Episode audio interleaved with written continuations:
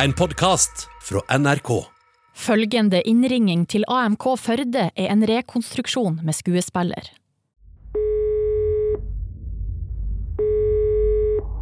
Ja, hallo. Det er Espen Mikkelsen. Jeg trenger hjelp. De trenger hjelp. 19. august 2020 står Espen på en topp i Horrungane i Jotunheimen og ringer etter hjelp.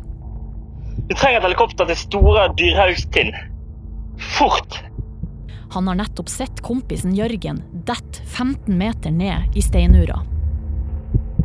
Det er en sånn blanding av ekte minner og minner som folk har fortalt meg og sett bilder av. Og Jeg skjønner jeg opplever det, men jeg husker ikke noe.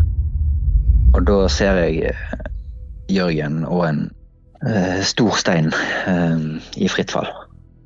Jeg er ganske overbevist om at dette ikke er det han overlever. Jeg bare tenker på de, den lille babyen som jeg har i maven, som kanskje ikke skal få treffe pappaen sin.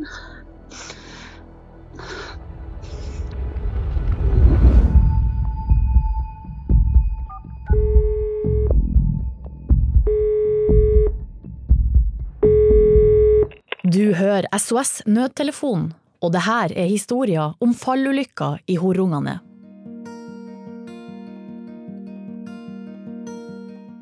Når jeg går på tur, så, så kan man liksom eh, ta seg i å ha gått eh, ganske lenge uten å ha tenkt noen ting. Um, eller gått og nynnet på en sang, eller um, Da er det liksom ikke plass til noe annet enn akkurat det man holder på med. Um, som jeg syns er veldig veldig deilig å avkoble um, greie. 37 år gamle Espen Mikkelsen fra Askøy har elska å være i fjellet siden han var en liten gutt. Da han for noen år siden flytta til Oslo med kona Ragnhild, ønska de flere venner de kunne gå i fjellet med. De tok kontakt med ei studievenninne av Ragnhild og hennes mann. Begge familiene har barn på samme alder og deler interessen for friluftsliv. Og det var sånn Espen ble kjent med Jørgen Blystad. Det jeg liker med friluftsliv, det er veldig sånn frihetsfølelse. Og så er det en veldig sånn fin, sånn konkret måloppnåelse. Når du går på tur sammen med folk, så um, Hvis du sammenligner med resten av samfunnet, er det ofte litt sånn diffuse mål, og du kan alltid hige etter mer og sånn.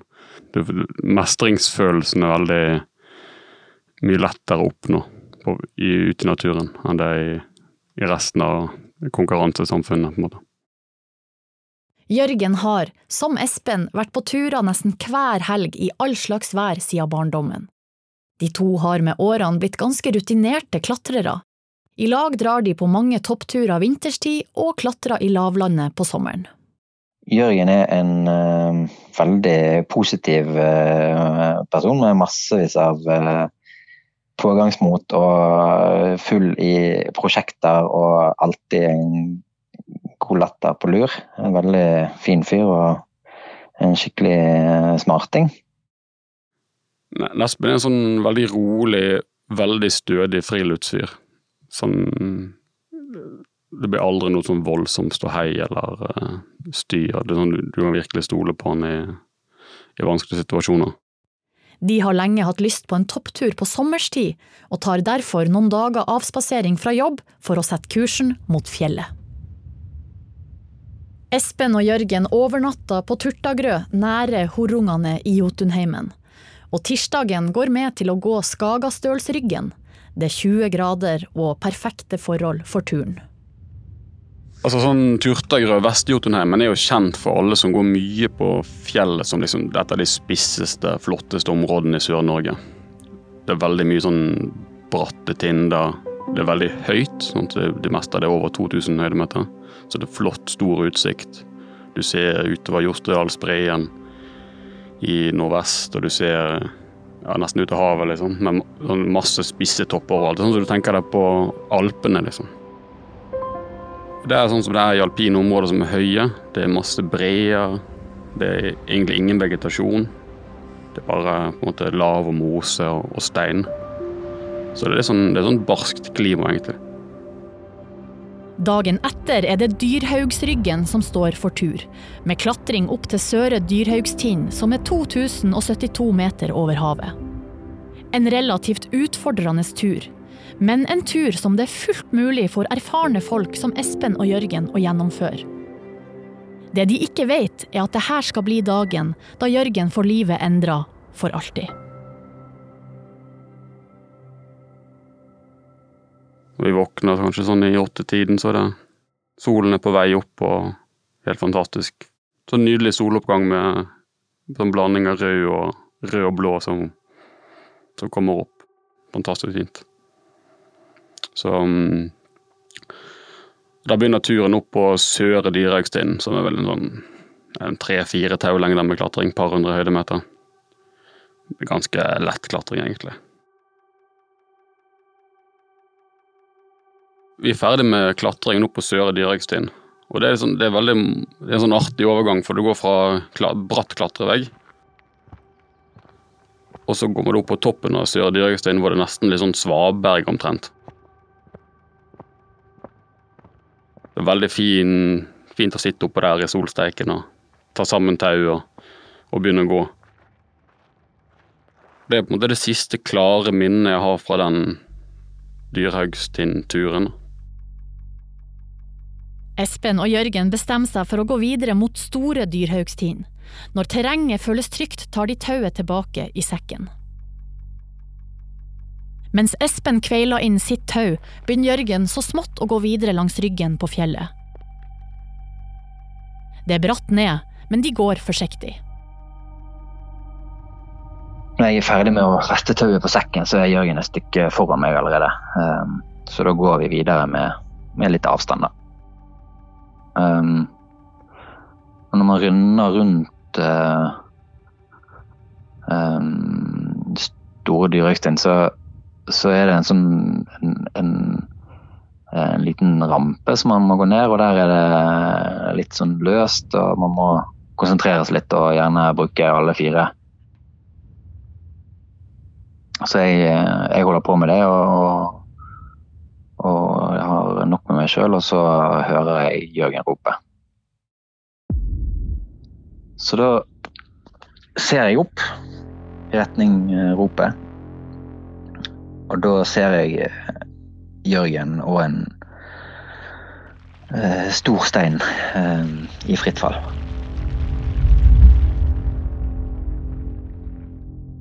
Denne steinen er omtrent som et eh, dobbelt kjøleskap i størrelse.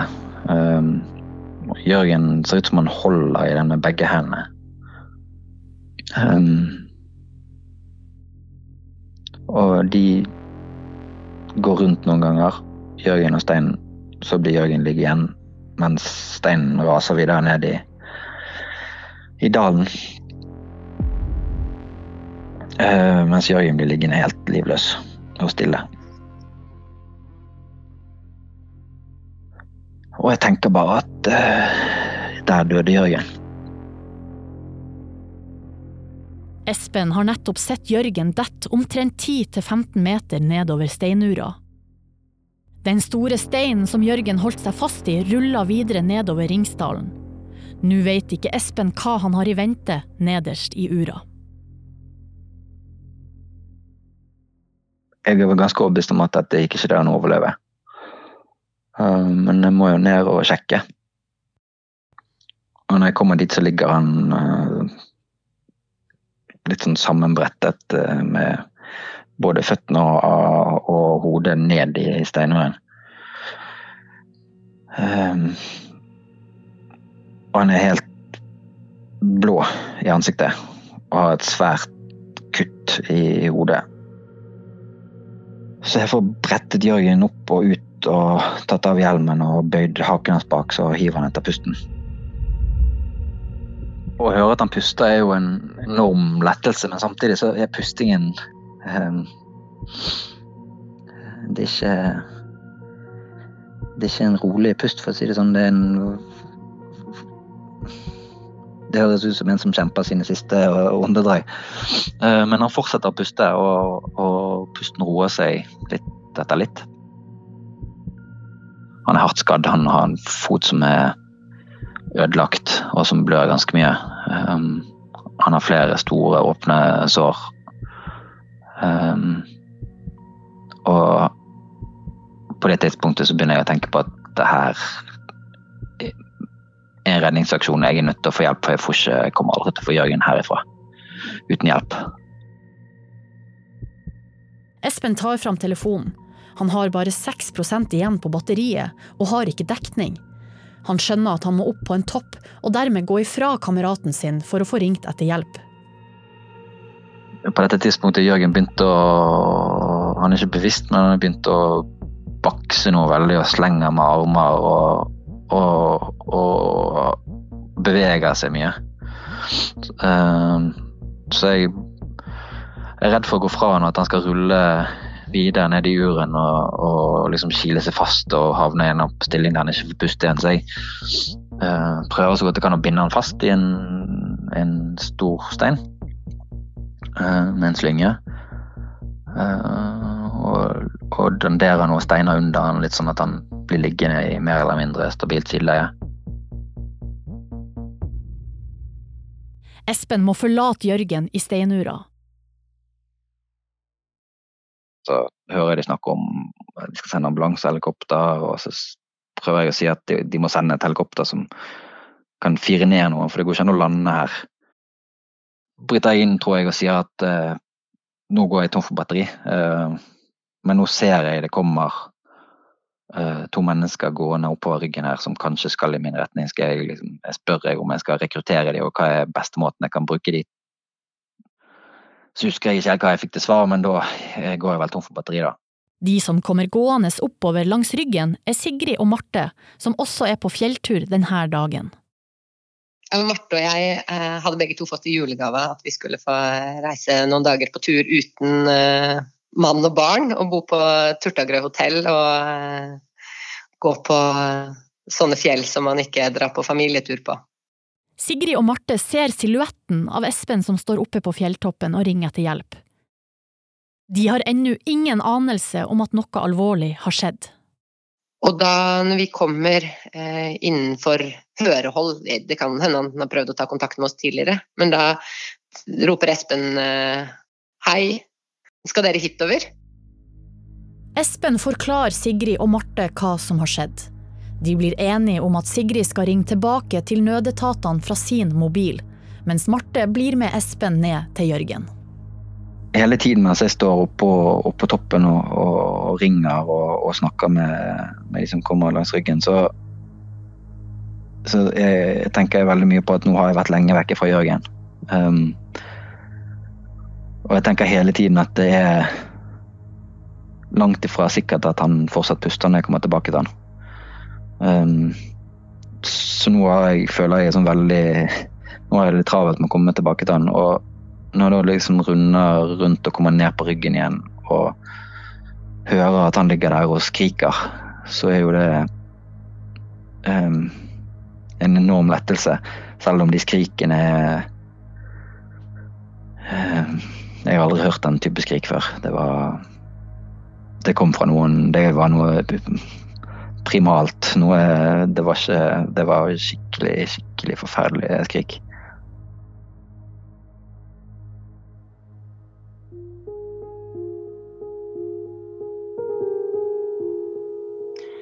Jeg satt på hjemmekontor og kikka litt på nyheter, og da kommer det opp en nyhetsmelding om at eh, noen har eh, fått en steinblokk over seg i uh, Horunlandet og da kjente jeg bare at det snørte seg i halsen min med en gang. Hjemme i Sandvika sitter kona til Jørgen, Karoline. De har vært gift i sju år og er foreldre til en gutt på tre som nå er i barnehagen. Karoline er på dette tidspunktet sju måneder på vei. Eh, sannsynligheten for at det er dem, er ganske stor. For det er ikke så veldig mange som er og går der i Horungane midt i uka. Ehm, så jeg prøver selvfølgelig å ringe Jørgen med en gang. Får eh, bare gå rett til telefonsvarer. Men det er ikke så veldig rart. Vant til at uh, går tom for strøm på mobilen når man er i fjellet. Eller at man er uten dekning. Så når jeg da uh, ringer og kommer gjennom til AMK, så hører jeg på en måte at det er litt sånn gjenkjennelse på den andre sida. Og da vi sier bare med en gang at ja, vi kan bekrefte at uh, Jørgen, det er Jørgen. Og da, da bare raser det helt for meg. Det er bare verste beskjed man kan få.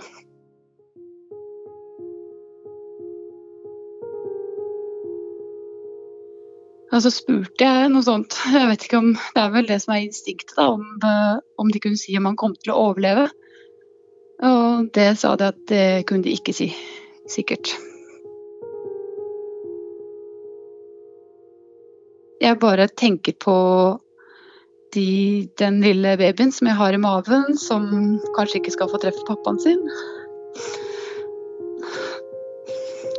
Og gutten på nesten tre som er i barnehagen og ikke vet noen ting.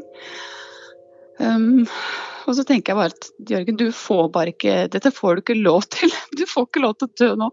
Du skal bare klare det.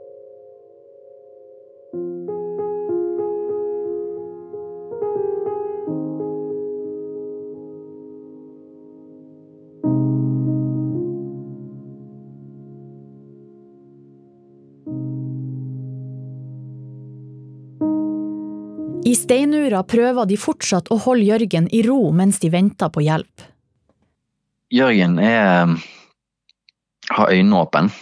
Um, og, og framstår jo våken, men vi får ikke kontakt med han. han uh, øynene svirrer litt rundt og faller igjen litt bak. Og, og det går ikke an å få øyekontakt med han, og det går ikke an å få han til å reagere på noe vi sier til han. Uh, men han har helt opplagt ekstremt vondt eh, og kjemper og kjemper for å komme seg derifra.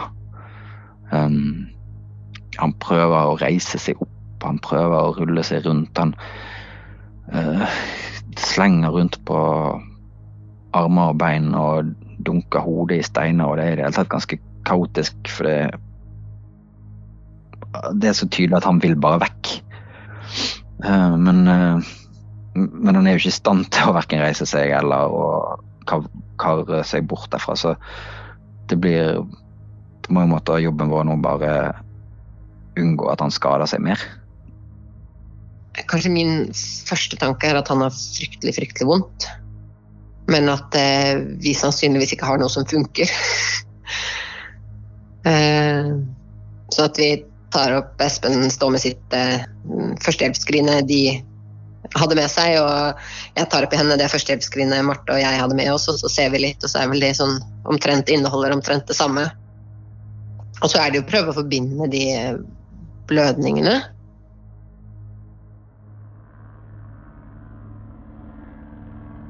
Det har gått over en time siden Espen ringte 112, da de endelig kan høre en etterlengta lyd kom nærmere. Um, det er et sånt øyeblikk som man har sett på film mange ganger. Når noen liksom har vært strandet på en øy eller venter på hjelp, og liksom endelig så hører man den der eh, hjelpen komme. Og lyden kommer nærmere og nærmere, og, og så runder det rundt uh, ryggen, og så uh, er det et, et ambulansehelikopter som helt opplagt ikke kan lande der, og som sånn som jeg har forstått ikke heller har mulighet til å fire ned noen til å hjelpe oss. Ambulansehelikopteret er sendt ut for å undersøke området og finne ut eksakt hvor den skadde ligger. De kommuniserer med redningshelikopteret som er på vei fra Florø 45 minutter unna. Der befinner 43 år gamle Alvin seg, som har jobba i redningshelikopter i ti år. Ja, det her oppdraget husker jeg veldig godt. Det skiller seg ut eh, på, på flere måter, eller kanskje av flere årsaker. Ehm, for det første så var det et krevende oppdrag.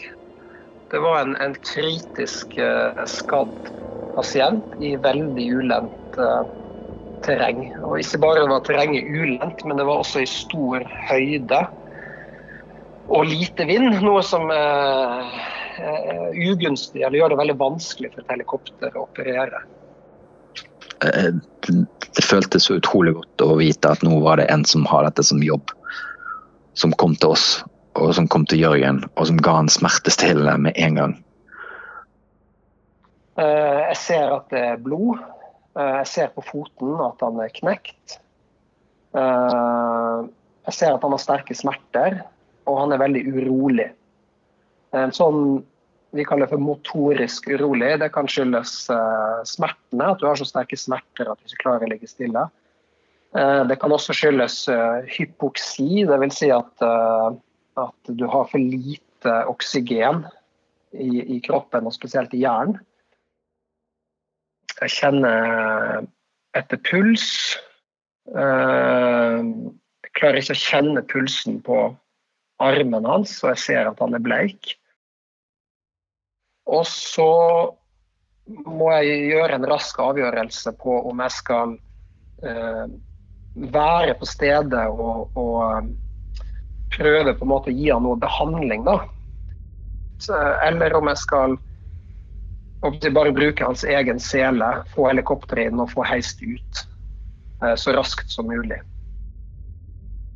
Alvin står ovenfor et dilemma.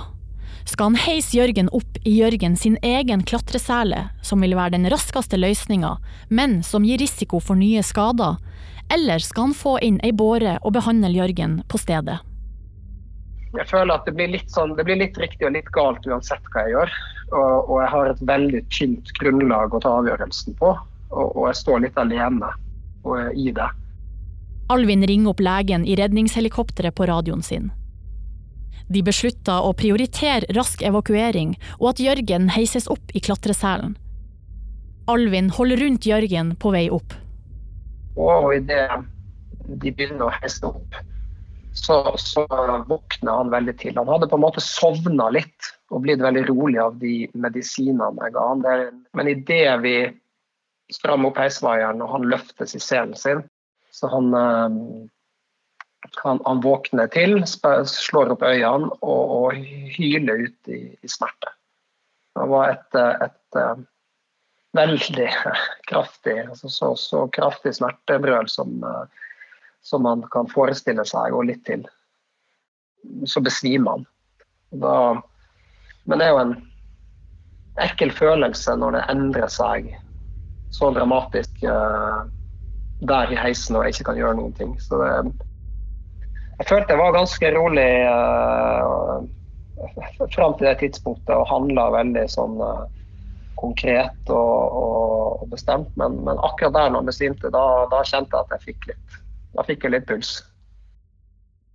På bakken står Espen, Sigrid og Marte i stillhet og ser Jørgen blir heist flere meter over bakken. Jeg har gått liksom på autopilot nå i over to timer og bare jobbe, jobbe, jobbe uten å nødvendigvis tenke så veldig mye og la følelsene slippe så veldig mye til. Så nå bare fikk jeg en skikkelig Ja, da knakk jeg helt sammen. og og måtte bare eh, grine en stund før jeg eh, klarte å gjøre noen ting. Marte, Sigrid og Espen rydder opp i steinura før de går i lag tilbake mot Turtagrø. På et eller annet tidspunkt når vi begynte å nærme oss uh, Turtagrø, så uh, fikk vi uh, en SMS om at om at Jørgen var kommet til Haukeland, og at og legen hadde sagt at han trolig kom til å overleve. Og det var jo en helt En helt fantastisk beskjed å få etter, etter alle de timene med, med usikkerhet.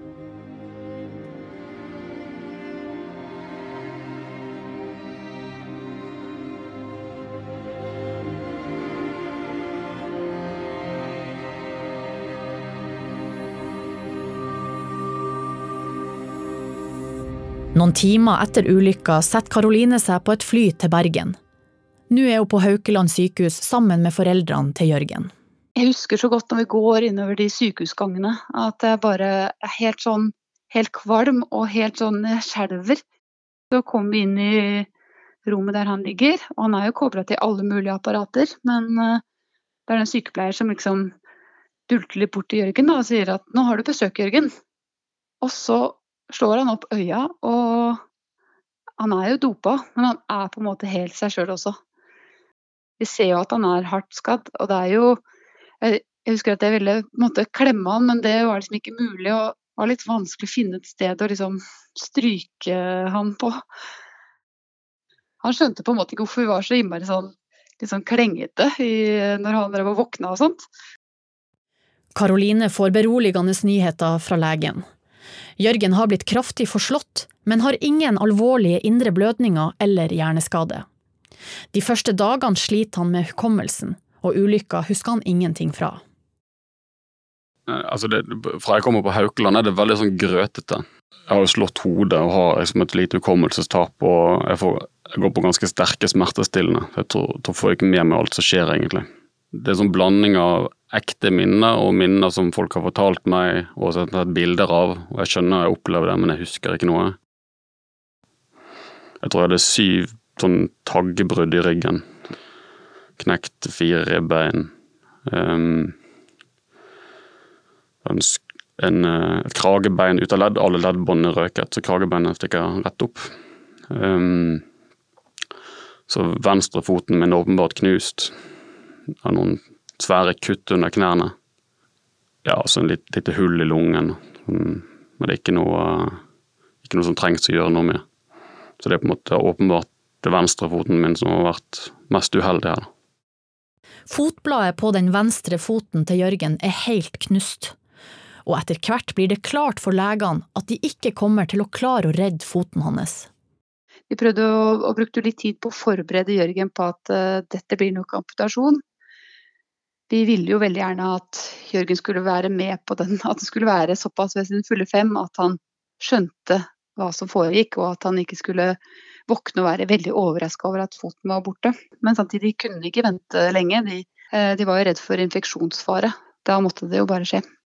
Nei, på en måte Jeg opplevde det aldri som en overraskelse at jeg var amputert. Så jeg har tydeligvis fått med meg det da, underveis. Så det var ikke sånn at jeg våknet og så bare Oi, oi, oi, foten min er borte. Det var et sjokk.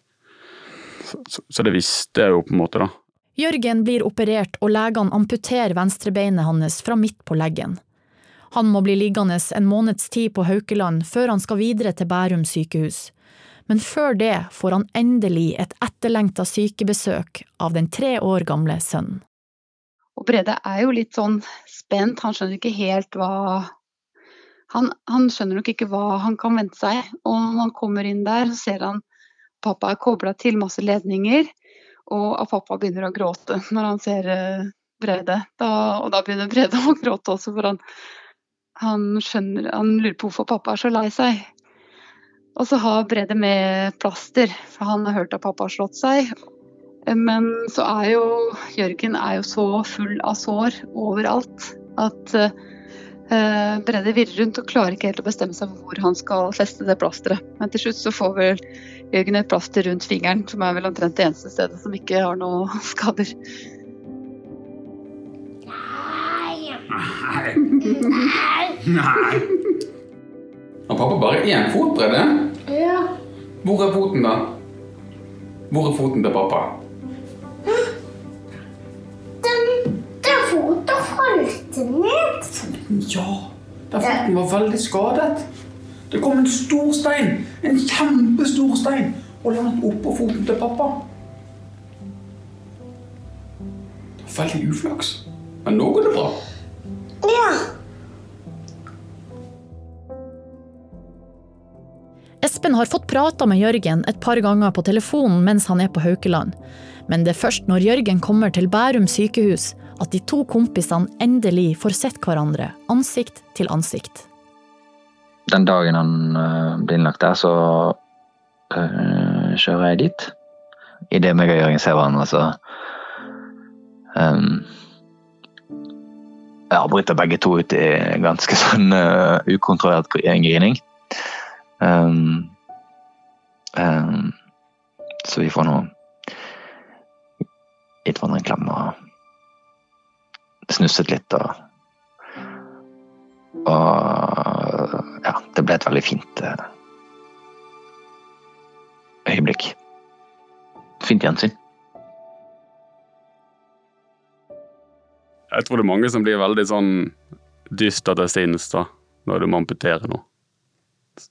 Men jeg vet ikke, jeg følte aldri at det var noe Det var ikke sånn at det var noen sånn sykehustabbe, at noen hadde gjort noe Altså, jeg kunne ikke skylde på noen, da. Det var min feil alt sammen. da. Det var mer sånn tusen takk til alle sammen for det har reddet livet mitt, egentlig. Etter ca. to måneder får Jørgen proteser, og etter ei tid med rehabilitering og opptrening har han sakte, men sikkert begynt å vende tilbake til sitt gamle liv. Har vært på ski allerede, har trukket pulk allerede. Skiflyten er ikke like bra som før med to friske bein, men eh, man kommer seg jo fint ut med protesebein også. Jeg håper jeg kan gå lange fjellturer og sånn igjen, og sove i telt og sånn. Nå er vi en familie på fire, og det var ikke gitt um, for noen måneder siden. Så det Vi er Altså, jeg har først og fremst en sånn stor følelse av takknemlighet. Det er ikke, det er ikke bitterhet som er uh, den dominerende følelsen jeg har, og det er det heldigvis ikke hos Jørgen heller. Jørgen var utrolig heldig som slapp unna fallet med livet i behold takket være en god porsjon flaks, men kanskje aller mest av alle menneskene han møtte på veien, som har via livet til å hjelpe andre. En helt fantastisk møte med helsevesenet. Liksom alt fra den akutte redningstjenesten ute på fjellet, til inn på traumemottak på Haukeland, gjennom masse kirurgi på Haukeland. Ligge der på sengepost og få bli passet på av verdens flinkeste sykepleiere og så inn i på en måte et rehabiliteringsopplegg etterpå. Og, med ortopediingeniører som stiller opp og hjelper til. og Alle sammen bare veldig interessert i at du skal, du skal mestre dette og få, få til et best mulig liv med et manglende bein. Så man føler seg jo veldig, veldig heldig at eh, det finnes et sånt system.